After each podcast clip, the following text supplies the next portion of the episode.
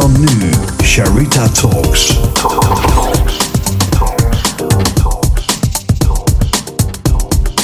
Sharita Talks. Embrace your vulnerability. Sharita Talks. Oscar, welkom. Ik, eh, ik eh, heb normaal altijd een ontzettende lange intro, eh, maar ik- deze keer, ja, jij bent gewoon. Ik ben onwijs blij dat jij in mijn podcast zit. Het is echt eh, een honor. Ehm, om verschillende redenen. Eh, de man achter The Gathering of Man en A Never Ending Journey. Sharita Talks. Embrace your vulnerability. Sharita Talks. Dankjewel. het is grappig, want ik zat dus echt op... Volgens mij dat ik hier naartoe liep. Ik was net hier om de hoek. En toen dacht ik ook, ik ben benieuwd wat voor... Als er een intro komt, wat dat wordt. En toen dacht ik gelijk van, oh, ik hoop dat er geen intro is. Oh, serieus? Dus ik ben eigenlijk heel blij. ik denk dat ik ook eh, ja, daarin... ehm, ja, wat je zegt. Gewoon lekker... ehm, ja, voornamelijk gewoon lekker met mezelf houden. En de mensen die ik om me heen spreek. En, en die weten er vaak wat meer vanaf. Maar ik wil niet dat... eh, wat we eigenlijk net zeiden. ja, hè, dat, voor dat- de podcast. ja, dat, Ja. dat mijn verhalen, dat dat het verhaal wordt over mij, zeg maar. Dus alles wat ik heb meegemaakt, ik ben gewoon wie ik ben nu. En als het ter sprake komt, komt het ter sprake. Maar ik wil niet dat het mij definieert. Dus eh dankjewel dat ik hier mag zijn sowieso. Ja, ik eh, heb er echt zin in. En we gaan het over ja, allemaal verschillende dingen hebben. Natuurlijk eh, ook eh, uiteraard over eh, mannen en, en hoe daarin om te gaan in kwetsbaarheid en holding space. Ehm, wat ik zo bijzonder vind aan jou, is dat je vaak zie je dat als we het hebben over het woord healer, dat je vaak toch denkt aan, aan vrouwen of de maatschappij denkt aan vrouwen. En bij jou, als ik, hè, wat, ik wat ik van jou meekrijg, je hebt ook echt die, die healer en die holding, echt een ho- spaceholder krachten. Wat ik me afvroeg, heb jij dat altijd? Is had je dat als klein jongetje al? Of hoe is dat zo ontstaan? Ehm, ik denk dat het sowieso een leuke is om wellicht voor mijzelf mijn waarheid of de definitie van spaceholder te definiëren of Mhm. healer. En dat is voor mij eigenlijk niks meer dan het volgen van je waarheid. En dat is eigenlijk alles wat je hoeft te zijn. Want ik denk, hoe authentieker jij jezelf bent, hoe meer je dus in staat bent om, ik denk, ik zeg altijd, when a person is sick of being sick, he shall cease to be sick. Dus wanneer een persoon ze erkent en herkent dat hij ziek is, alleen dan kan hij geheeld worden. Dus ik denk dat hoe eerlijker we naar onszelf kijken, hoe meer we kunnen fungeren vanuit authenticiteit. En dus daarin ook het stukje healer zijn. Waarom? Simpelweg omdat andere mensen zich kunnen herkennen wie wij zijn. So that's a healer for me. Mooi. En dat is wellicht ook al, ja, misschien een klein beetje het, het antwoord op je vraag van hoe komt dat? Ik denk dat het voornamelijk bij mij is geweest dat het altijd een nieuwsgierigheid is geweest voor het leven.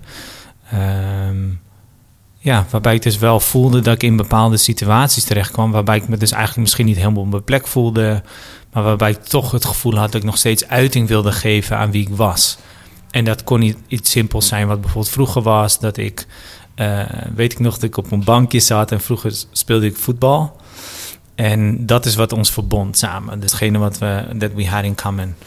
Maar daaromheen was het natuurlijk, waren we allemaal totaal verschillende mensen met andere achtergronden, noem maar op. En ik weet nog een keer dat we ergens in een parkje zaten en we zaten op een bankje. En het was avond en ik keek, ik keek naar boven naar de sterren. En ik, ik, ik werd ineens teruggeroepen, want er kwam ineens een scherpe lucht van wiet kwam mijn neus in. En ik dacht, wat wat is dit? Hoe oud was je? eh, Bij... Ik denk 16 of Oké. zo. En, eh, en het grappige was, deze, deze jongen heet ook echt Marley. en die was wiet aan het roken. En toen zei ik tegen hem, ik zeg, Marley, ik zeg, wat zijn je dromen, man? Waar wil je naartoe? Wat, wat, wat zou je graag willen bereiken? En eh, hij keek me aan net alsof ik een heel andere taal aan het praten was. En dat waren voor mij steeds besefmomenten dat ik erachter kwam dat we gewoon sowieso natuurlijk anders waren, maar ook dat ik wellicht niet op mijn plek was. Dat ik niet in een omgeving was waar mijn waarheid dus eigenlijk goede uiting kon krijgen en op een goede plek was. En zo bleef dat eigenlijk steeds meer vorm krijgen. Dus op een gegeven moment ging ik naar middelbare school. Middelbare school? Nee. Ehm, niet middelbaar. Wat komt er na middelbare Nee, school? eh, hogeschool. hogeschool, ja, ja. Zoiets. Ja. je was Eh, 16 toch? Ja, hogeschool. ja, hogeschool. Ja. En ehm, daarvoor ben ik toen naar het buitenland geweest. En ik heb toen mijn scriptie geschreven bij een best wel heel groot bedrijf. Ehm, en dat was binnen marketing. En ik was daar. Ik, ik ben gewoon heel goed in de dingen die ik doe. Als ik daar tijd in stop, dan word ik Mm. daar goed in. En toen vroeg ze of ik wilde blijven. Maar ik merkte ook dat ik gewoon anders was. Dat ik daar binnen kon lopen, lopen op me, in mijn jeans met mijn Timberlands aan. En iedereen was daar gewoon netjes in pak. Want Oh, het was marketing sales afdeling. En dat waren al eerste signalen. Omdat ik aan het luisteren was. En als we zouden luisteren naar wat we echt voelen. En ook waarnemen. Dan is het eigenlijk zo makkelijk om je waarheid te volgen. Niet te volgen, maar te zien. En te volgen is de volgende stap dat beseffende kwam ik er dus ook achter dat, het- dat, dat ik toen op een plek kwam waar ze me heel veel geld wilden geven en, Mm. en, en safety en dat soort dingen. Maar dat, dat, dat ik daar helemaal niet blij van werd. Dus daar heb ik ook weer een bewuste keuze van gemaakt om daar een stapje terug te doen en andere routes te kiezen. Dus ik denk, hoe maakt, hoe heeft dit mij gemaakt? Nieuwsgierigheid, moed. En ehm, ja, ik denk het stukje authenticiteit, gewoon eerlijkheid naar mezelf toe. Ehm, ja, en dat heeft me eigenlijk ja, in ieder geval gebracht waar ik nu ben. En dat is hier met jou. ja. Het is wel echt, het is wel knap dat je dan al dat, ja, het zoveel moed ehm toont dat je zegt nee, dat, dat, dat je dat al zo in, van binnen voelt, zo sterk. Dat heel veel mensen hebben dat niet eh, op die leeftijd. Die gaan wel dus voor die corporate baan met een mooie pak en een mooie auto en het geld en wat er, Ja. wat er allemaal bij komt kijken. ja, en ik mag je er eens Ja, op ja, ja, aanvullen? zeker. Ja, want wat ik dus wel nog duidelijk wil maken, want dit kan soms het gevoel geven aan mensen, merk ik om me heen, dat er iemand achterloopt. En dat de Mhm. ander voorloopt. Wauw, jij hebt het al op 22. Wauw, begon het al op 16? Of it's not about that. Like, we- leven in zulke andere werelden en we zijn hier allemaal, als je erin gelooft, op verschillende eh, punten gestart. Mm. Dus één ding is wat ik zei: nieuwsgierigheid, stukje moed, objectiviteit en dus eigenlijk authenticiteit die je daarin probeert te waarborgen. Maar ik gel- geloof dat je bijvoorbeeld, wat net over voetbal. Talent is ook iets, aanleg is ook Mm, iets. zeker. Dus als we geloven in dingen als vorige levens, dan kan het zijn dat ik al tien, tien levens op je voorloop, bijvoorbeeld. Mhm. En dat ik er weer 10.000 op iemand anders achterloop. Waardoor je dus langere tijd hebt gehad om, om bepaalde lessen of, of wellicht dingen te begrijpen, in zoverre dat ik dat kan of iemand.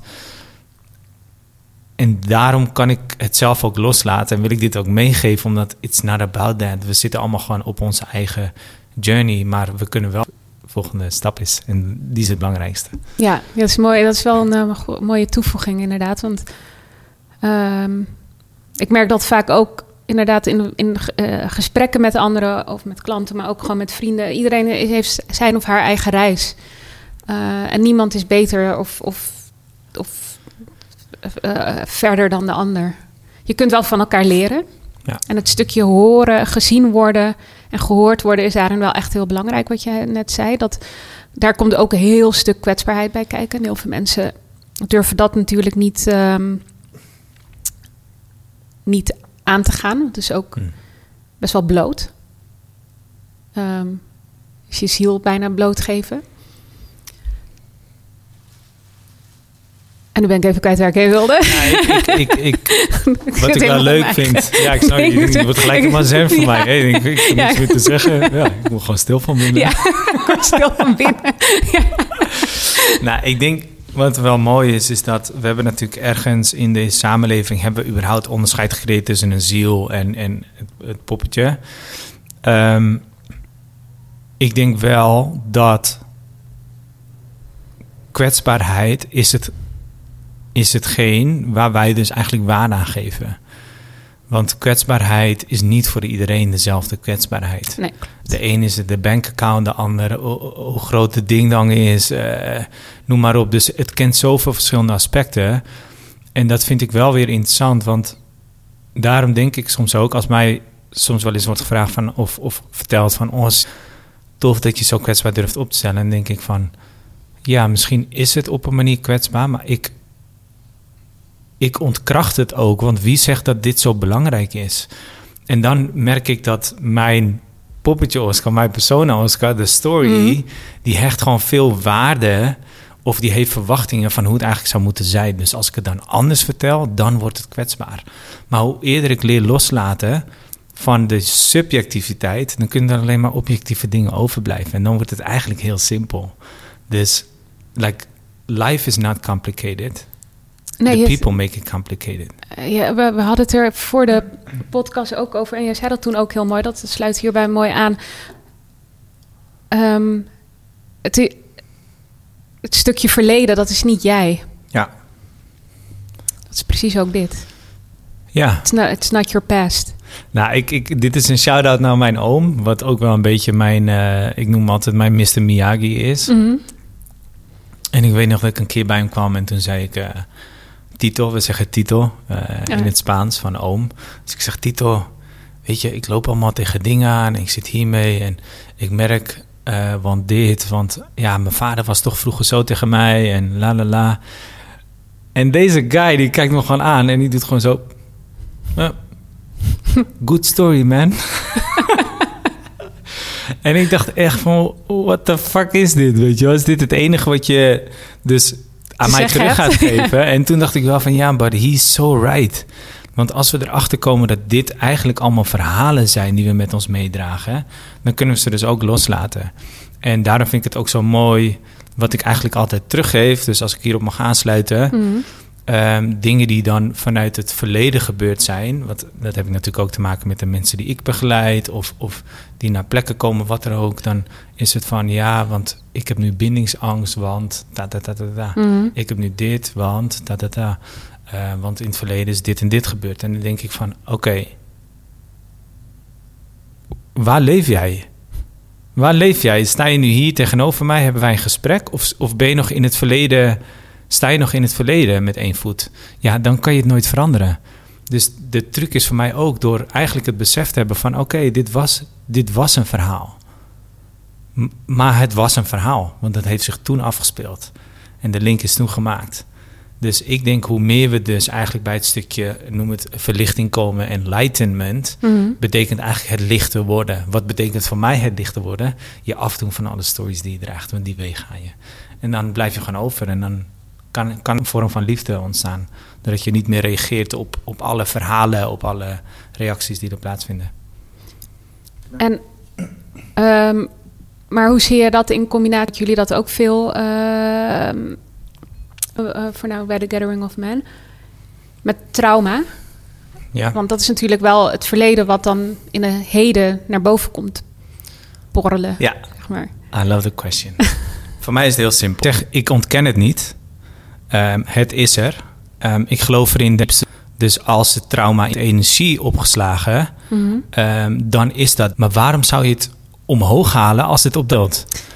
Oeh, En that's the key, want dat is wat we steeds doen. We halen het erbij, we roepen het erbij, maar dat is helemaal niet nodig. Werk ermee wanneer het spontaan op komt zetten. But don't hold on to it when it's not there. En dat is het hele ding. Dus trauma heeft geen logisch patroon. Trauma komt opzetten of op een moment, of er is een, een samenstelling, een pakket van, van sensaties die plaatsvinden. Daar wordt er emotie aan gekoppeld en dat uitzicht dan als trauma Mhm.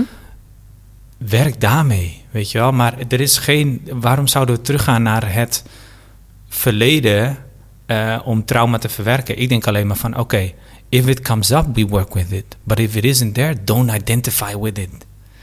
En daar zit verschil in, want dan kunnen we die band doorbreken. Dan, dan snapt jouw fysieke respons ook... Of nou, je fysieke respons is er, maar dan snap jouw mentale respons ook... dat die linker eigenlijk niet meer, Meer is. is. Ja, precies. Exactly. Dus- mega interessant. Ja, ja. dus hoe zie ook je... een hele andere kijk, hè? Weet ik niet. Dan wat de... Het is een interessante kijk. Hm. En veel... ehm, geeft je ook meer ruimte, denk ik, om te ademen en te zijn hier in nu, het heden. That's it. en dat, dat is het grappige. We, houden ons zo bezig met natuurlijk wat er vooruit gebeurt, achteruit. En dat is, dat is waar het allemaal plaatsvindt. Terwijl ik denk van ja, wat is de enige waarheid die echt bestaat? Dat is wat jij nu ervaart. En that's it. Er is niks anders. Want ook al ga jij naar de toekomst of ook al ga je naar het verleden, hè, dan is er nog steeds maar één waarheid. En dat is hoe jouw lichaam nu reageert. Dus de rest zijn allemaal illusies, die worden bijgehaald, want die worden gekoppeld aan het gevoel die je nu ervaart. Maar je kan alleen maar nu ervaren. Je kan het verleden niet ervaren. Laat je, en dat wekt iets op. Maar je kan het niet daadwerkelijk ervaren. Je stapt niet opnieuw in het schuitje. Nee. Misschien het patroon aan gevoelens of, of prikkels die komen terug. Maar die plaats. Het zijn niet exact dezelfde als die toen plaatsvonden. Het is gewoon met wat er nu in het lichaam speelt. En dat, dat uit zich. Dat gezegd hebben, geloof ik er wel in dat trauma ook het bestaat. Dus het is Mhm. daar. En ik geloof ook wel dat het in vele vormen nog wel nodig is. Dus als we het nu even de link maken bijvoorbeeld naar de gathering. Mhm. ehm, dat het wel nodig is om daar uiting aan te geven. Want we moeten eerst wel van die lagen, vaak eerst boosheid, dan eh, verdriet, dan heb je schuld. Daar moet je soms wel doorheen door dit te kunnen ervaren. En Ja. eigenlijk vanuit daar te kunnen, eh, hoe zeg je dat? Reflecten. Ja, weer grounded te kunnen zijn. Ja. ja. Ja, mooi. We komen straks, eh, gaan we dieper in op de gathering. Want eh, ik heb ooit wel eens in een eerdere podcast met een van de mede Gathering of Men mannen, Nijtje van der Horst, gezegd... ik zou er ook een keer bij willen zijn. Maar ja, als wordt dat een beetje lastig. Achter de gordijnen. Ja, precies. ja. Meegluren.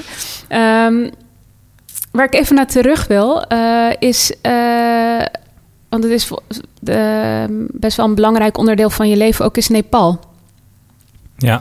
Hoe, je daar, hoe is Nepal in je, in je leven gekomen en eh, welke, ja, welke rol heeft, ja, speelt het in je leven? Ja. Nepal de Ramrosa. Ehm, Nepal. Nepal is een, plek voor mij die eigenlijk een beetje voelt als een tweede thuis. Ehm, ik merk dat ik sowieso veel heb gehad met eh, eh, het boeddhisme. Ehm, en dan heb ik het voornamelijk over de, de way of life. Dus niet zozeer de religie, maar wel de manier waarop ze leven. En hoe ze dus eigenlijk van hun leven een soort van een ritueel en een ceremonie maken. Dat er natuurlijk het stukje liefde die ze echt uiten en waar ze ook actief mee bezig zijn. Ehm, dus dat was een van de factoren dat ik heen wilde. En natuurlijk de bergen was gewoon heel mooi. Dus het was eigenlijk onderdeel van een langere reis die ik had gemaakt van 13 maanden. Ehm, waarbij Nepal zeg maar de centerpoint was. Maar ik daaromheen ook nog naar India ben geweest, Sri Lanka, andere plekken. Wanneer was dit? 2016. Oké. En ehm, ja, dat ik in Nepal aankwam. Ik denk wat Nepal voor mij houdt, is eigenlijk de, de rauwheid die er nog kan bestaan. En de connectie met de natuur die gewoon nog heel present is en die je kan voelen. Want hier, als wij naar de andere kant van de stad moeten, het is natuurlijk ook wel een platland. Eh, dan pakken we eh, een trein. Er zijn altijd heel veel vervoersmiddelen. Ja. Maar daar moeten ze, als je in de bergen woont, dan moet je gewoon drie dagen lopen soms om terug naar je village te gaan. Of een goede twee uur lopen om bij je school aan te komen of langer nog.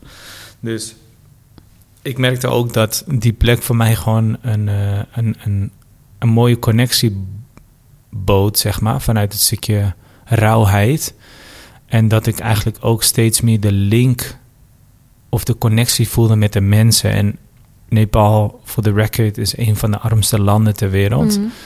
Maar ik weet niet of ik ooit zulke vrijgevige mensen heb ontmoet. Ja, bizar is dat, hoor ik wel Ja. vaker inderdaad. eh, Ja.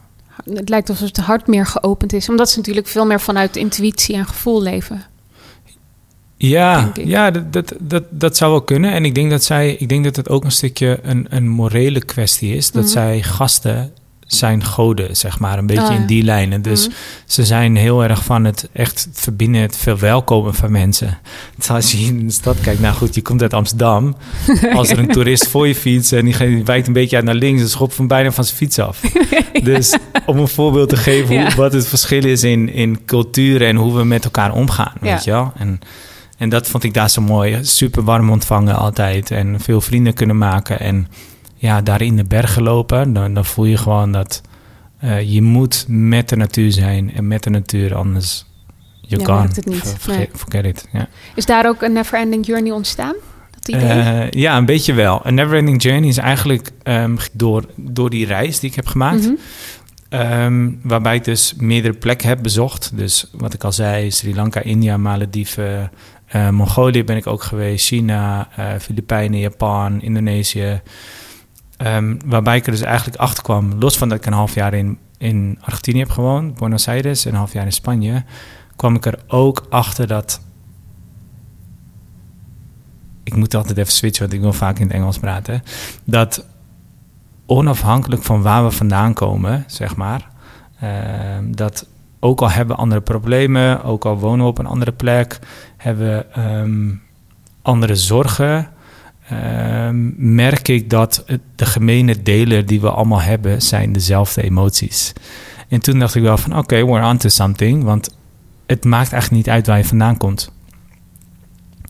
Dus daarin kwam ik er ook achter dat het eigenlijk ehm, het leven ook heel simpel is. Want we zijn allemaal connected. Alleen we zijn de menselijkheid tussen elkaar steeds meer kwijt aan het raken. Door ook de digitale wereld en Mhm. door het, het gemak die we kunnen vinden te find eh, vervanging, zeg maar, Ja. replacements. En voor mij is dat stukje menselijkheid is gewoon essentieel geworden. En toen ik wil mensen terugbrengen naar de menselijkheid. Dus dat stukje authenticiteit voor jezelf bepalen. En ik wil de, de verantwoordelijkheid en de connectie met de natuur vergroten voor de mensen. Oh ja, ja. Dus dat was eigenlijk de link, waardoor ik het eigenlijk ook noem van it's the journey inward and being outside. Dus hoe meer we dus die tijd met elkaar samen doorbrengen, eh, de, ontstaat daar de connectie met elkaar. En natuurlijk dus ook met jezelf, want je bent daar al, dus Ja. je brengt jezelf al mee. En door in de natuur te zijn, ga je automatisch voelen hoe mooi het is en, en de, de verbinding die je erin voelt, waardoor eh, hopelijk, maar dat, daar hamer ik ook wel op, de verantwoordelijkheid ook groeit. Want we leven nu wel een beetje in een tijd dat het, het bewonderen van de natuur niet meer genoeg is. We moeten er echt iets voor terug doen. Ja, ja dat is. eh, hoe, hoe ziet zo'n. ehm, want je doet eh Never Ending Journey, dat is en in Nederland en Nepal, toch? Ja, er zijn nu beide. drie plekken. Ja. Ehm, ik ben begonnen, dat is wel leuk, want normaal, soms vanuit het ondernemerschap denk je van oké, laten we klein beginnen. Dan doen we hier wat, één dag of een eh, avond evenement. nee, Oscar begon met 26 dagen Nepal. dus dat was best Dat wel... was de eerste? Dat was mijn eerste, Ah, ja. nice. dus daarin dacht ik wel van, oh ja. En toen dacht ik van, oké, hoe kan ik het makkelijker maken en dichter bij huis? Dus de, de eerstvolgende stap was eigenlijk Duitsland, het Zwarte Woud, Mhm. een achtdaagse. En Nepal is dan zeg maar een beetje, we noemen het ook onze Everest, want dat is echt de langste. Op dit moment is die 21 dagen, waarvan je 11 dagen dus trekking gaat doen. Er zit ook nog een deel volunteering in. En onderliggend is natuurlijk altijd die menselijkheid met elkaar opzoeken. Ja. Ehm, en daar wordt voor gezorgd door de facilitators. Ehm eh, Forestlands, dus het Zwarte Woud, is een achtdaagse waarbij je dus een mooie eerste introductie kan krijgen naar ook het trekking. Gewoon überhaupt met een backpack op je rug lopen, Oh, ja. tentje mee, eigen eten mee, in het woud slapen. Eh, die ervaring opdoen, want het is drie dagen lopen, twee dagen kamperen. En in Nederland zijn er nu twee initiatieven. En één is daarvan gewoon een kampeerweekend of een lang weekend van vier dagen. Mhm. Om gewoon heel low-key. Sommige mensen hebben ook nog nooit gekampeerd. Anderen vinden het leuk om te kamperen, nieuwe plekken te ontdekken en mensen. Ehm, nou, die nemen we dan mee. En je hebt bijvoorbeeld ook aan het einde van het jaar Reconnect. En dat is echt met de. We leven dus met de seizoenen mee. En Reconnect is slowing down, dus wintertijd. Is weer naar binnen keren, reflecting. Verblijf in mooie boomhutten in Brabant. Dus, eh, Ja, die zien er zo mooi ja, uit. Ja. Het is echt super cute. Is dat, Ja. dat eh, ja, staat nog steeds op mijn lijst. Nou, ik heb je er graag een keertje bij. Ja, het is echt. Het eh, lijkt me mooi om te ontvangen. Ja, Ja. en het is eigenlijk ook bewust een midweek. Omdat we willen dat, dat je er vrij voor maakt. Want dit is echt quality time voor jezelf. Dus je krijgt, alles is verzorgd. Je, je verblijft in je huisje eh, of in je, in je treehouse. De, de, de living room is super chill. We connecten, er is een vuurtje, we gaan naar buiten. Er zijn momenten voor jezelf in stilte, dat je kan schrijven. Er is een movie night. Dus het is Oh, ook nice. echt, het is echt tijd voor jezelf. En Oh, lekker. Ja. dus je hoeft niks te doen. Theetje, koffie, on it. Lekker eten, komt goed. Alles wordt gewoon uh, Oh ja, dat is wel mijn stijl. Ja.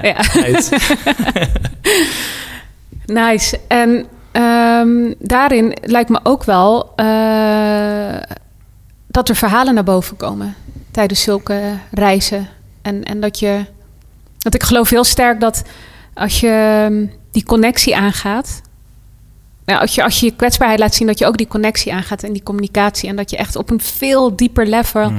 met mensen kan, kan connecten. Wat nu dus heel erg eh, wat jij net al zei, door eh, de technologie. Hmm. En ook wel hoe wij in de westerse wereld überhaupt zijn, best wel vaak mist. Mhm. Want ik zie ook wel het verschil hoor tussen de westerse wereld en bijvoorbeeld eh, mijn eigen cultuur. En bijvoorbeeld waar ik gewoond heb op Curaçao, dat is veel meer connected. Ja. Ehm, het is- mooi om te zien dat jij dat toch op, op deze manier probeert terug te brengen, ook in, ja, in de westerse wereld. Ja, en ik, ik denk dat dat ook gewoon nodig is, weet je wel. Want ik denk waar misschien de samenleving eh, gaat verliezen, als we zullen verliezen, eh, dan is dat door, eh, hoe zeg je dat in het Nederlands? Verdeling. ja. En, ehm, en ik denk dat het gewoon belangrijk is dat we nog steeds elkaar zien als mens. En in onze menselijkheid. En daarom vind ik het zo belangrijk, want nou goed, we hebben het allemaal meegemaakt de afgelopen twee, drie jaar. Is er ook allemaal shit gebeurd. En werd ook nog eens dat fysieke afgepakt. Dus wat was er eigenlijk nog, weet je wel? Dus, dus er ontstond eigenlijk nog meer ruimte. Toen dacht ik, no, we're not gonna let this happen. Dus wat mocht nog? Kamperen mocht nog. Oké, let's go Nice. camping. Dus dat was ook al een beetje de insteek. Dat ik dacht van ja, maar die menselijkheid is gewoon key. En wat je zegt, de verhalen die dan opkomen spelen. Als we teruggaan naar de basis, dan is het eigenlijk heel simpel. Want wat we eigenlijk allemaal willen, wat vaak onze grootste of hoogste intentie is van alles wat we doen, is vrijheid. Vrijheid om te zijn. Ja, En that's it. En dat is een stukje authenticiteit. Gewoon om te kunnen zijn wie je bent. Like, fuck it. En dat merk je dat daar gaat de last van af. Door gewoon echt te kunnen doen van... Het raakt mij nu al, weet je wel. Gewoon überhaupt het besef... To truly be free. Gewoon om echt te kunnen zijn. En dat is wat er gebeurt op mensen dat dat ze dus stukjes loslaten of naar boven brengen. Dat is simpelweg gewoon uiting geven aan wie ze zijn, op wat op dat moment hun waarheid is. Wat doet dat? Dat is lijm. Dat is Mhm. lijm tussen mensen. Zeker. Dat is wat verbindt. Dus je ziet het ook. Mensen voelen onbewust wanneer er een masker wordt gedragen of iets. Mhm. Waardoor er soms eentje een beetje wordt afgestoten of er gaat frustratie ontstaan of wat dan ook. Totdat die persoon zegt van, hé, hey, ik vind dit gewoon spannend. Ik kan mijn plek niet vinden in de groep. Oké, nou, now we're talking. En dan zie je gewoon dat een groep verbindt. Dus de, het, is, het proces is gewoon prachtig, omdat... Nogmaals, het maakt niet uit wat er speelt. Het, we, we zijn allemaal mens. Dus Ja, onderliggend oh. kennen we het allemaal.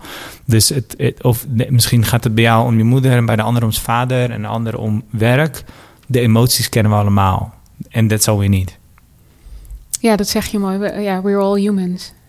Hm. En ik denk dat, dat dat nog wel eens vergeten wordt. Van, we zijn allemaal mens, dus we hebben emoties. En het belangrijkste is verbinding. Ja. Het is echt heel simpel. Ja, it's simple. Zo mooi. Toch? Het is gewoon, we make it complicated. Life is really, it's so simple. It's so simple. Alleen we willen het allemaal begrijpen. Ja, And that's Ja. where we fuck up. Ik ben heel lang geleden gestopt om het te begrijpen. Ja, Want ik, daar hadden we het voor de podcast ook over. Je kan, het heeft ook te maken met het stukje eh, dat zeiden dat je het allemaal kan plannen, maar en dus ook probeert te begrijpen in die zin, want plannen en begrijpen. Je kan het wel plannen, maar wie zegt dat het zo gaat lopen? Ja. En 9 van de 10 keer loopt het niet zo. ja. En daar ben ik de hard way achter gekomen. Maar, ehm, want ik was vroeger ook van het plannen en dacht, oké, dan ga ik dat doen en dan dat. Maar op een gegeven Mm. moment dacht ik, nee, je weet het gewoon niet. Er kan zoveel gebeuren. ja. En als je in de flow meegaat, dan ehm, komt hetgeen wat voor jou bedoeld is, komt wel op je pad. Hmm. Ja. Dus focus je gewoon op de volgende stap. Ja, En dat is alles. En het is wel goed als je natuurlijk een beetje weet van... oh ja, laat ik daarheen lopen. ja, Ehm, maar jouw richting hoeft niet bepaald te worden... door per se een groot doel. Ik, ah ik zeg altijd... je hoeft geen doel te hebben als in een concreet iets. Maar maak van jouw doel een werkwoord. Dus een voorbeeld... ehm, een, een vader die heel graag... die echt niet kan wachten tot het moment dat zijn dochter, zijn kind, zijn zoontje tegen hem zegt van... papa, jij bent echt de beste papa van de wereld. En dan denkt hij van, yes, I did it. Mhm. Maar wat als je van het doel, het kind dat zegt... papa, jij bent de beste papa van de wereld... het werkwoord maakt. Het, de beste papa van de Ja. wereld zijn. Oef, that's a different ballgame. heel anders, ja. Want je, ik zie het bijna als een berg, weet je wel. Net als naar de summit die je klimt. Want op een gegeven moment, stel je voor dat wordt gezegd... You're at the summit, you're on top, then what? Maar stel je voor dat, dat het het werkwoord is. Dus jouw volgende stap is altijd... Oké, hoe kan ik handelen vanuit het beste papa van de wereld zijn? Dan ga je zwaar over die summit heen. En nog drie, en nog vier, en nog vijf. Omdat het een werkwoord is. Dus daarom denk ik ook van... We hoeven niet per se uit te komen bij de Erasmusbrug. Maar zolang we in ieder geval weten van... Oké, wat is... Welke volgende stap kan ik het beste zetten vanuit mijn, bijvoorbeeld mijn levenswaarde? Mhm. En dat zal je niet te know. Dus als je die gewoon blijft volgen, dan blijf je elke stap in alignment doen. Want dan heb je gewoon of links of rechts. Dus net alsof je twee opties, keuzes hebt in je handen. En eentje die wijst naar beste papa van de wereld zijn en de ander eigenlijk niet. Dan is je keuze duidelijk. Mhm. En daarom denk ik ook van ja, houd gewoon in het hier, weet je wel. Van wat is, wat is nu Ja. belangrijk? Wat zijn nu je levenswaarden? En dan ga je, geloof mij, je gaat je doel ver voorbij. Ja, en het is ook mooi wat je, wat je daarbij aanhaalde in alignment zijn. Het heeft allemaal te maken in die end met een, in alignment zijn met jouw authentieke zijn en, en, en waarde. Ja. Ehm, dus als dat in alignment is, dan float het, dan komt het wel goed. Ja, zolang je je, je waarheid blijft Ja, volgen, Ja. dat zeiden we net, want de waarheid kunnen we voelen. Maar de volgende stap is je waarheid te volgen. Ja. En zolang we daar ook dus moedig voor zijn, door die stappen te zetten die wel in alignment zijn. maar het kan soms ook lastig worden, worden along the journey. Ja, Want nu lijkt het alsof het allemaal heel mooi en flowy Ja. is, maar ja, dat is het leven. waar is het avontuur anders, toch? Ja, En ik denk, ik denk soms ook van, eh, hoe kan je kracht meten als er geen weerstand is? Hoe kan je alignment weet- meten als er geen weerstand is? Ja. Je kan het. Nee, dat, nee, dat gaat niet. Nee. Dan, anders weet je ook niet wat ali- weet je ook niet wanneer het alignment is. Ja. Ja. Nice. Good shit. Mensen denken, luisteraars denken waarschijnlijk, wat hebben die twee achterover net gesmoken voordat Ja. we deze podcast We're talking begonnen. truth. We're talking truth. Zo mooi. Ehm, en dan komen we bij het stukje Gathering of Men. Hmm. Hoe, hoe is dat ontstaan? Want ehm, ik volg jullie al vanaf het begin. Dankjewel. Ehm, ja, I, I love it. Shit. En het, eh, ik, dus even een aanname hoor, maar voor, voor zover dat onderzoek wat ik toen der tijd gedaan heb, wat ik zag, waren jullie al een van de eerste die met dit, dit, dit zo met dit mannencirkel zo hier in Nederland kwamen. Maar hoe is het ontstaan? Ehm, ja, ik, ik weet eigenlijk niet of wij de eerste zijn geweest. Ik zag wel dat er andere soortgelijke initiatieven eh, waren. Of er was er eentje, daar kwam ik eigenlijk pas recent achter. Maar ik heb wel het idee dat die al wat langer bestaan. Oké. Ehm, maar ik denk wel een van de eerste. En misschien ook wel eentje die wel met, met mate best wel wat bereik kreeg, zeg maar. Laat ik het Mhm. zo zeggen. Dus wel wat meer te horen kreeg. Want eh, onder andere eh, de jongeman die, die uit België ook is gekomen. Dus het is best wel tof om te zien dat het dus eh, mensen vanuit verschillende delen van Nederland trekt. Ehm, met regelmaat ook waren er afgelopen keer twee jongens uit Groningen. Hm. En daarvoor hebben we ook nog een jongen uit Friesland gehad. En komen er heel veel vanuit Deventer en Almelo. Dus er Het zijn... is niet alleen maar Amsterdam. eh, Nee, by far. Nee, nee. Never. En dat zegt ook wel wat, Ja. weet je wel? Dat het gewoon nog niet is in de omgeving waar ze zijn. Nou, moet je nagaan. Ik woonde in Amsterdam toen... Nee, ik woonde in Haarlem. En ik had dat gevoel eigenlijk ook al. Dus zelfs Ja, in Haarlem, in ja. Amsterdam, in de Randstad... ik wel dacht van, oké, ik weet niet of het er is... maar ik merkte ook dat ik me soms wat lastiger kon identificeren... met waar ik toen wel eens over mannencirkels had gehoord. Omdat ik... Ik vond het geen... eh, representatieve vertegenwoordiging van de society, van de samenleving. Dus het trok echt één soort type en dan ga ik nu heel even stereotypen. Mhm. Alleen wat er toen nog was, was een beetje het, het gevoel van het geitenwolle sokken idee, Oh ja. mannen die bij elkaar kwamen. Ehm, los van dat er niks mis mee is. Maar het was niet altijd makkelijk om andere mensen om zich daarmee te identificeren. Omdat het zo eh, af, distant voelde, afstandelijk van de doelgroep. Dus toen dacht ik van ja, ik heb hier ook behoefte aan. Ik wil wel lekker met gasten zijn. Wat je ook vaak ziet is dat eh, over het algemeen dat veel mannen die komen, die hebben eerst voornamelijk meer tijd doorgebracht met vrouwen. Dus omringd Mhm. door vrouwen. Ehm, dus om daar de gesprekken mee te voeren die misschien wat moeilijker waren. Ehm, ja, dus dat is vaak een eerste logische stap, wat ik nu wel begin op te pikken. En dat ze daarna ook het gevoel hebben van oké, dit is fijn en dit heeft, dit heeft gewerkt. Maar ik voel ook dat er een deel van mij is die nog geheeld moet worden of die ruimte mag krijgen met mannen onderling. En dat is vaak een beetje een, een, een, een volgende, een andere stap. Dat je ziet van oké, ze, ze willen weer in de space stappen. Wat eigenlijk altijd voelde als competitie, als intimidatie. Ehm, ja, en dat, dat wordt dan weer ontdekt. En dat er natuurlijk ergens dus ja, de ruimte is gecreëerd. En dat zij dus de veiligheid voelen bij zo'n groep. Mhm. Door soms niet eens aanwezig te zijn, maar door bijvoorbeeld in de groepsapp te zitten. Of eh, door wat er online laten zien wordt. Dat zij dus wel de ruimte voelen van, ja, weet je wat, ik ga het proberen.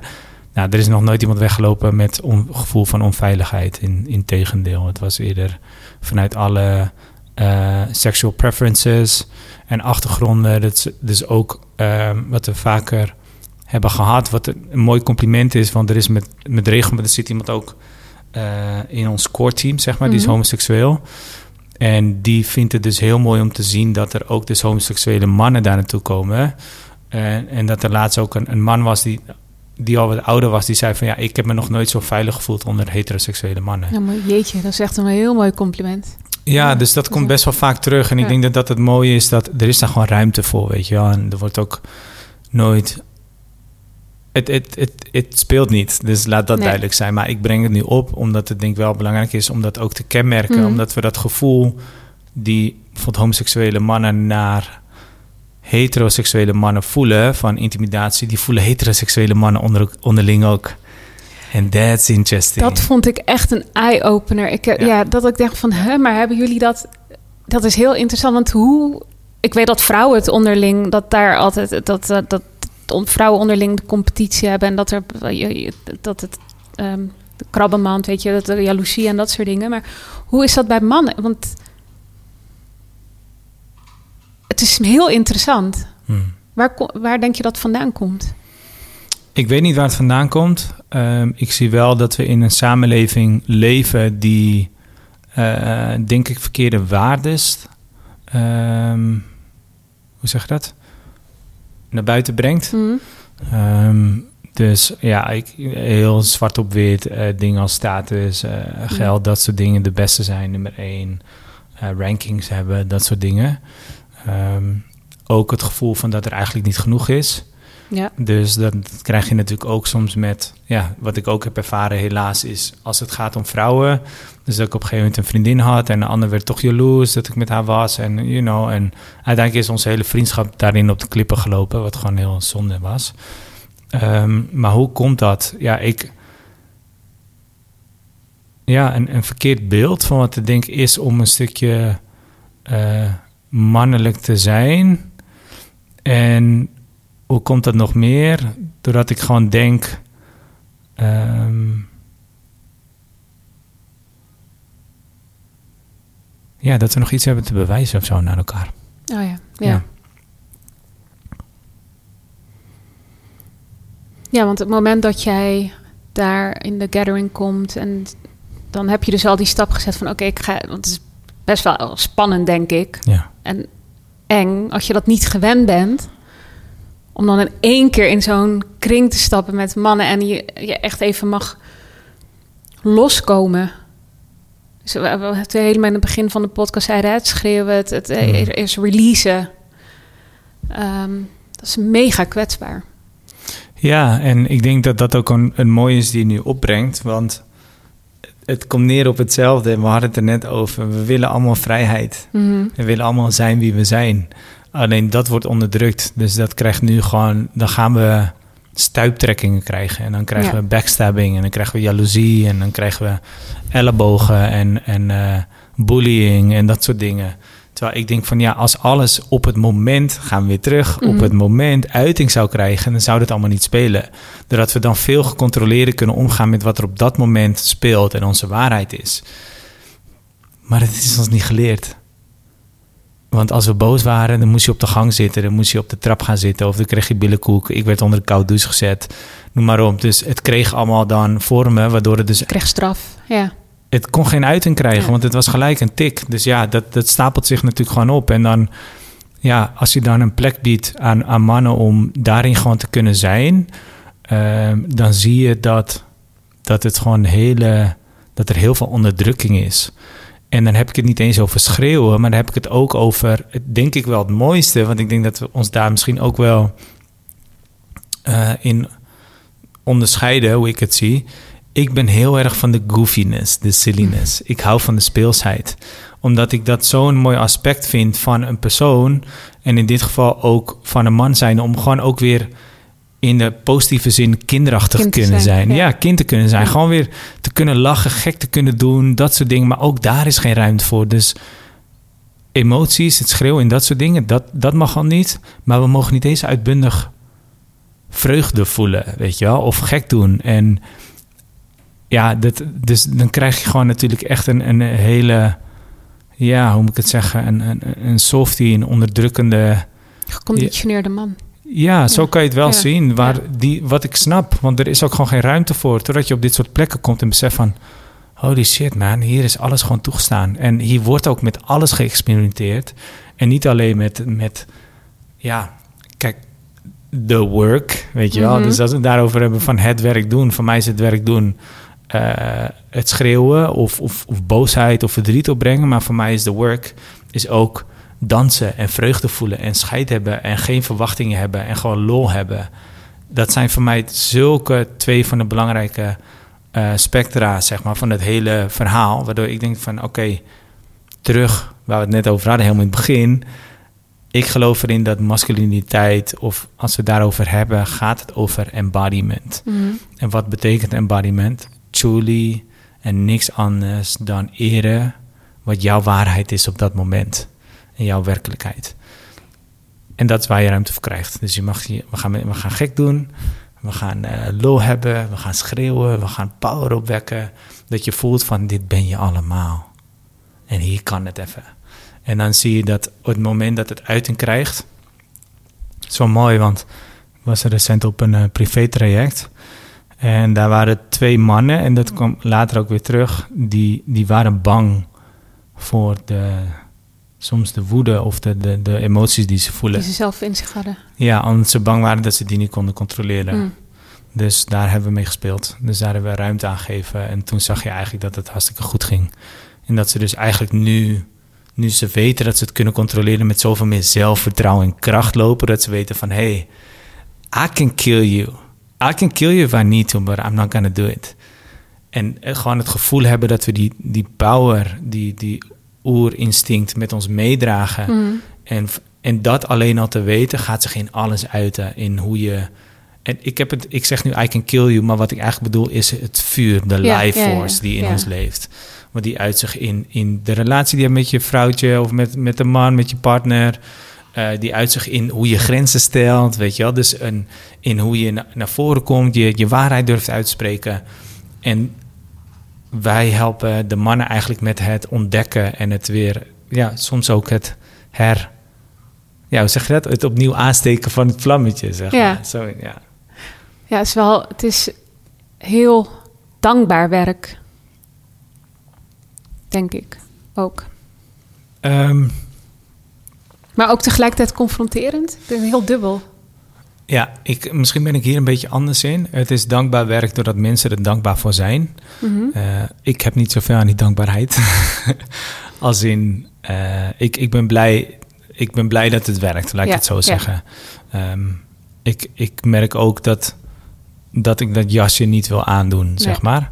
Ehm, en confronterend, zei je. Ja, In wat voor zin bedoel je dat? Nou, voor de mannen zelf, dat je daar, je komt jezelf wel echt tegen. Alles wat je al die jaren hebt onderdrukt, dat komt daar, kan daar naar boven komen. Misschien niet meteen de eerste keer, omdat je nog een soort van kat uit de boom kijkt. Ja. Ehm, maar ik kan me voorstellen dat er veel loskomt. Ja, en bij sommigen komt het juist door expressie, dus door Mhm. uiting van stem. Bij anderen is dat veel meer fysiek, dat je iets moet opwekken. Eh, het is ook niet altijd nodig. Ik, ik zeg ook dat een gathering is niet, it's not your therapy session. Nee. Het is gewoon een moment om eigenlijk ook te verbinden met je broeders en te zien dat er gewoon meer gasten zijn die gewoon soortgelijke dingen meemaken en doorheen gaan.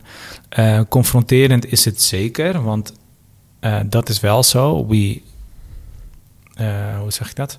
We call each other out. Ja, je houdt elkaar een spiegel voor, denk ik. Ja, wel. dus het is wel, we proberen dan wel gewoon geen no bullshit, weet je wel. Maar dat is natuurlijk een hele fijne lijn, omdat wij er iets van vinden. Wij denken dat dat, dat het pijnpunt is, dat het daar zit. Mm. Dus eigenlijk leiden wij ze ergens naartoe, wat, wat eigenlijk dus onze projectie is van hoe we ermee omgaan. Ja, En dat Ja. is heel interessant, maar dat komt ook vanuit de, dit. Volgende maand starten we met onze Facilitators Initiation. Dus we hebben een eerste groep aan mannen die dus ook het facilitatorschap Oh, gaan nice. ontdekken. Ehm, en dit zijn ook thema's die voorbij komen, want vaak, dat is wat ik net zei, het wordt altijd gefilterd door ons. Nog. Unless you're Buddha. en Jesus en, you know. En, dus, eh, en dat is een interessant proces. Dus wat ik wel mooi vind, is dat de mannen, nog leuker eigenlijk, 9 van de 10 keer zelf de uitnodiging geven aan zichzelf om zichzelf te confronteren. Dus recent Ja. hadden we ook een, een, ehm, een, eh, een, een oefening die heet Cross the Line. Misschien klinkt die bekend. Dan heb je een statement en eh, als die toepasselijk is op jou, dan loop je naar de andere kant. Ja. So you cross the line. En in het begin kwam ik met een set statements. Ja. En op een gegeven moment dacht ik van... Ik wil, ik wil de mannen zelf de mogelijkheid geven om, om op te brengen. En op een gegeven moment zei een van de mannen... die zei van... ehm, ik heb het gevoel dat mensen niet graag bij mij willen zijn. En eh, hij liep naar de overkant. En niemand liep mee. holy shit. Ja, Ja, dus hij was de enige die aan de overkant stond. Ja, die komt binnen. ja. Dus deze, deze guy stond tegenover twintig man te kijken. En hij stond er in zijn eentje. En hij wilde ook weglopen. En toen zei ik van, nee, laat maar even lekker staan. En voel maar. En toen hebben we daar eigenlijk een heel mooi gesprek aangegeven. En ja, tot het punt dat dat ruimte kreeg met wat hij voelde. En waarop ik toen de volgende statement gaf van, oké, eh, wie wilde hem een knuffel geven? En toen liep iedereen naar de Ja, toen- overkant. hij werd gedragen door de groep. Ja, en dat ja. was zo mooi, want wat zo mooi is aan zo'n oefening en eigenlijk dus een gathering in general, Mm. je, je creëert momenten waar je elkaar echt kan zien. Maar je creëert ook momenten waar je dus eigenlijk anders bent dan de ander. En dat is interessant, want dat vertegenwoordigt voor mij een realistisch beeld van de samenleving. Ehm, en hij voelde zich daarna natuurlijk wel gezien. Ehm, wat een mooi proces was, maar hij koos er wel zelf voor om zichzelf te confronteren met zijn statement. Wat hij niet had verwacht, is dat hij daar alleen zou staan. Wat we ook daarna zeiden, is dat ehm, hij is natuurlijk niet de enige die dit voelt. Nee, No chance. No chance. Maar ik zei wel van, hey, snap dat wij dit allemaal voelen. Alleen misschien is de balans bij jou anders. Dus voelt het vaker zo, is het stemmetje die dat zegt groter dan bij de rest van de groep. Maar het wil niet zeggen dat hij er niet is. Die is nog steeds. En daar kreeg je dan ook weer vanuit die separation, hij is dat voelen. Alleen toch weer die verbinding van, hey, dit herkennen we, we zitten erin. Kom hier, hou je vast, good shit. En dan zie je vrijheid. Dat is vrijheid. Dat is mooi. ja, erg Het. Wauw. Dat is echt even... Ja, dat, het raakte me wel toen je dat zei. Ja, bijzonder, hè? Zo, ja. Ja, dat je het zegt, statement maakt, maar dan eigenlijk met de gedachte... oh, maar waarschijnlijk loopt de hele groep eh, naar de andere kant. En, Ja. ja. Ja, het is zo rauw dan. Ja. Ja, heel mooi. Ja, love it. ik ben echt fan van jullie. Volgende keer zit het raam op een kiertje. en, eh, Hoor je mij erachter klappen? ja, en ik denk, misschien is dat ook wel goed om te benadrukken. Ehm, we zijn eeuwig dankbaar voor alle mannen en vrouwen die elkaar hebben ondersteund. Ja. Ehm, en dankbaar dat we hier nu zijn als samenleving. Door ook de vorige generaties die toch ergens uiting hebben gegeven op verschillende manieren. Extreme opzoeken, Ja. wat meer uitingen vanuit de flower power naar de industrialism, weet je wel, de macho. Dus, en nu zijn we middenweg aan het vinden. Dus Ja. dat is super mooi. ja, dus daarin is er gewoon heel veel dankbaarheid. Ik geloof er ook in dat er gewoon ehm, een deel is wat ik net vertelde, die die mannen onderling ook weer moeten helen en moeten opzoeken. En dat is gewoon ja, wat, wat er nu wellicht iets meer plaatsvindt. Dat mensen Ja. dat, dat gewoon merken van oké, het is weer mannen onderling die ook stukken te helen hebben vanuit dat gedeelte. En ehm, ja, want ik geloof er ook in dat, dat een gathering niet per se is meer uiting geven aan je vrouwelijkheid. Het is juist meer gronding zoeken in je mannelijkheid. En ehm, dat is wat je ook ziet, want ik denk dat een stukje mannelijkheid en die balans is dus uiting geven aan wat je voelt, maar het wel bij jezelf houden. En dat is wat een stukje, dat is waar het masculine dan in komt. Van het uiting is wellicht iets meer vrijer, expressie geven aan. En dan is het het moment van het bij jezelf houden, is dus eigenlijk een kader zetten Ja, van wat je voelt. Dus zoiets taking ownership.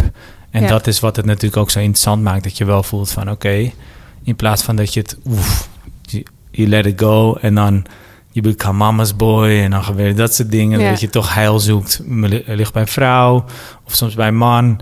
Ehm totdat je beseft van nee, dit is wel van mij. Dus ik, ik hou het bij mij, dankjewel. But this is mine. En eh, ja, zoiets.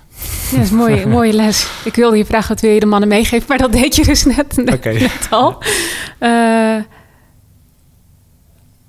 maar nou, ik ga hem toch stellen, want als je kijkt naar de gathering en wat je de afgelopen jaren gezien hebt, wat, wat, wat, welke les zou je mannen mee willen geven? Je hebt er natuurlijk net al eentje van, nou, hou, hè, dat, dat, die les net meegeven, maar wat zou je nog meer mee willen geven? Ja, ik, ik denk dat die jongens die al geweest zijn, als er een soortgelijke vraag is geweest, waarschijnlijk al hebben beantwoord. Ehm, durf weer te voelen en vertrouw op jezelf. Hmm. Ik geloof dat we ook in een samenleving leven ehm, die heel snel gaat, waardoor het soms ook moeilijker wordt om echt te voelen. Dus alles wat we voelen is grof. Dus we moeten bijna een been breken om ons been te voelen dat daar een gevoel in zit. En ja. ik geloof er dus in dat. Ik zeg altijd: het lichaam is vuurwerk. It's fireworks. Er is constante verandering vindt er plaats op verschillende delen. Als je mij vraagt van Os, waar voel je nu wat? Dan kan ik je, denk ik, ongeveer op de centimeter aanwijzen waar ik iets voel en Ja. wat er zit. Omdat ik daar wel bewust van ben. Dus het is een stukje bewustwording van wat je voelt en wat, wat er zich opspeelt. En dat is jouw waarheid. Dus mijn suggestie is ook: creëer, en dat uitzicht voor iedereen anders, maar creëer meer momenten om echt te voelen. Want dat is wat jouw waarheid is. En dat is dus ook waar jij op kan baseren wie jij wilt zijn.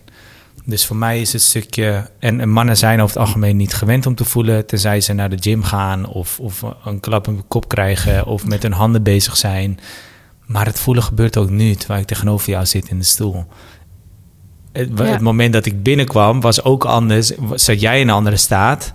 Ja, eh, dan dat we nu zitten. ja, Dus zo gebeuren constant dingen, maar het is het besef, het bewust worden van oké, hoe zit ik erbij? Wat gebeurt er nu? En dat is alles wat je moet weten, because your body is speaking to you constantly, constantly. Dus dat is mijn suggestie voornamelijk van oké, ga, ga terug naar het voelen. Dat kent veel manieren, maar Ja. ik denk dat het, eh, ehm, ja, het is voor iedereen anders natuurlijk. ja, Ja. maar over het algemeen is het een stukje eh, bewustwording. Mm. Dus ga echt weer ehm, creëer momenten waarop er geen telefoon is. Waar je wellicht alleen met jezelf bent. En met jezelf bedoel ik in dit geval nu met je gedachten die er dan meespelen. En ga gewoon zitten met, oké, wat er, is een, er is een fysieke structuur, structure, en er is een mental structure. Oké, what's happening? Oké, know thyself. Leer jezelf kennen, leer jezelf kennen. Want hoe meer je dat doet, geloof ik er ook in dat je steeds meer in de, in de als we het hebben over archetypes, Mhm. in de king energy komt. Want the king is not perfect, no chance, but he accepted his flaws. And that's the thing, want hij kent alle archetypes, hij kent alle structuren binnenin henzelf. Mhm. En hij voelt zich daar zeg maar wel self-confident in en self-loving to eh, execute that function. Dat betekent niet dat hij perfect is, maar hij heeft ze wel gewoon omarmd en hij heeft ze wel toegelaten in Ja. zichzelf. Maar daar kan je alleen komen als je jezelf leert kennen. Dus dat is En eigenlijk. les. self-love is daar inderdaad ook hele, Ja. hele, hele belangrijke in. Wat Ja. ik vaak ook wel zie dat het mist bij, bij mannen. Dat dat niet geleerd is, natuurlijk. Het is gewoon van wees hard en... eh, ehm, klinkt als eh, meer een vrouwending. Ja, en ik denk wat je daar ook zegt, dat was eigenlijk ook de vraag die ik dan aan jou wil stellen. Ehm, want dat is leuk, want dit is een waarheid die we allemaal hebben. Want die varieert bij iedereen. En dat is juist het mooie. Dus, what is self-love to you? En dat is voor jou heel simpel. Misschien, het kan alles zijn. Maar het is wel belangrijk om dat te weten. Dus ik ben eigenlijk wel benieuwd. Voor mij zijn het echt die hele. Heb ik, nou, ik, ik heb er laatst over nagedacht. Het zijn echt die kleine momenten. Dus echt momenten dat ik bijvoorbeeld eh, hier in de woonkamer op die leren banken zit en naar buiten kan staren en, en de boten voorbij zie gaan. En eh, die rust. Of letterlijk in bad liggen, eh, kaartjes aan en gewoon zijn. Ja. Oh ja, en slapen. Is voor mij ook echt eentje. Echt Ja. gewoon. Dat, dat, dat is ook mijn. eh, als ik dat niet geef aan mijn lichaam en geest, dan merk ik ook dat ik dat ik dat het alles moeilijker gaat. Hmm. Ehm, oh, dan komt er in één keer een hele lijst eh, op. ja, echt. Ik, ik- ook goed voor mezelf koken, dus voor mezelf Ja. zorgen, sporten. eh, zorgen dat het lijf tevreden is, zodat geest eh, ehm, gedragen kan worden. Ja. Ja. Ja, mooi. En ik denk dat dit eigenlijk heel mooi aansluit op waar we het net over hadden. Soms plannen hebben, maar niet weten hoe je eruit komt. Nu is een, een, een zit op de bank, een eh, in bad gaan, het lekker koken zijn uitingen van zelfliefde. En dat is leuk. Dus het kent zoveel vormen Ja. en it constantly changes structure and forms. But as long as you know how self-love feels, dan weet je hoe je moet handelen. Dus de ene keer Ja. is het voor je koken, de andere keer is hier lekker op de bank zitten, de andere keer is het in bad gaan. Eh, en dat is leuk. Dus als we weten welk gevoel we willen ervaren, dan kunnen we alle kanten op. En dat Ja. wordt telkens gewoon je, je richtlijn. Dus van dat is, dat is je plan. En die uitzicht constant anders Ja, in elk moment. Dus eh, ja, it's good stuff. Het is een feestje eigenlijk. ja zeker. Ja? zeker. Ik eh, stel altijd een laatste vraag aan de gasten. En dat is: wat betekent kwetsbaarheid voor jou?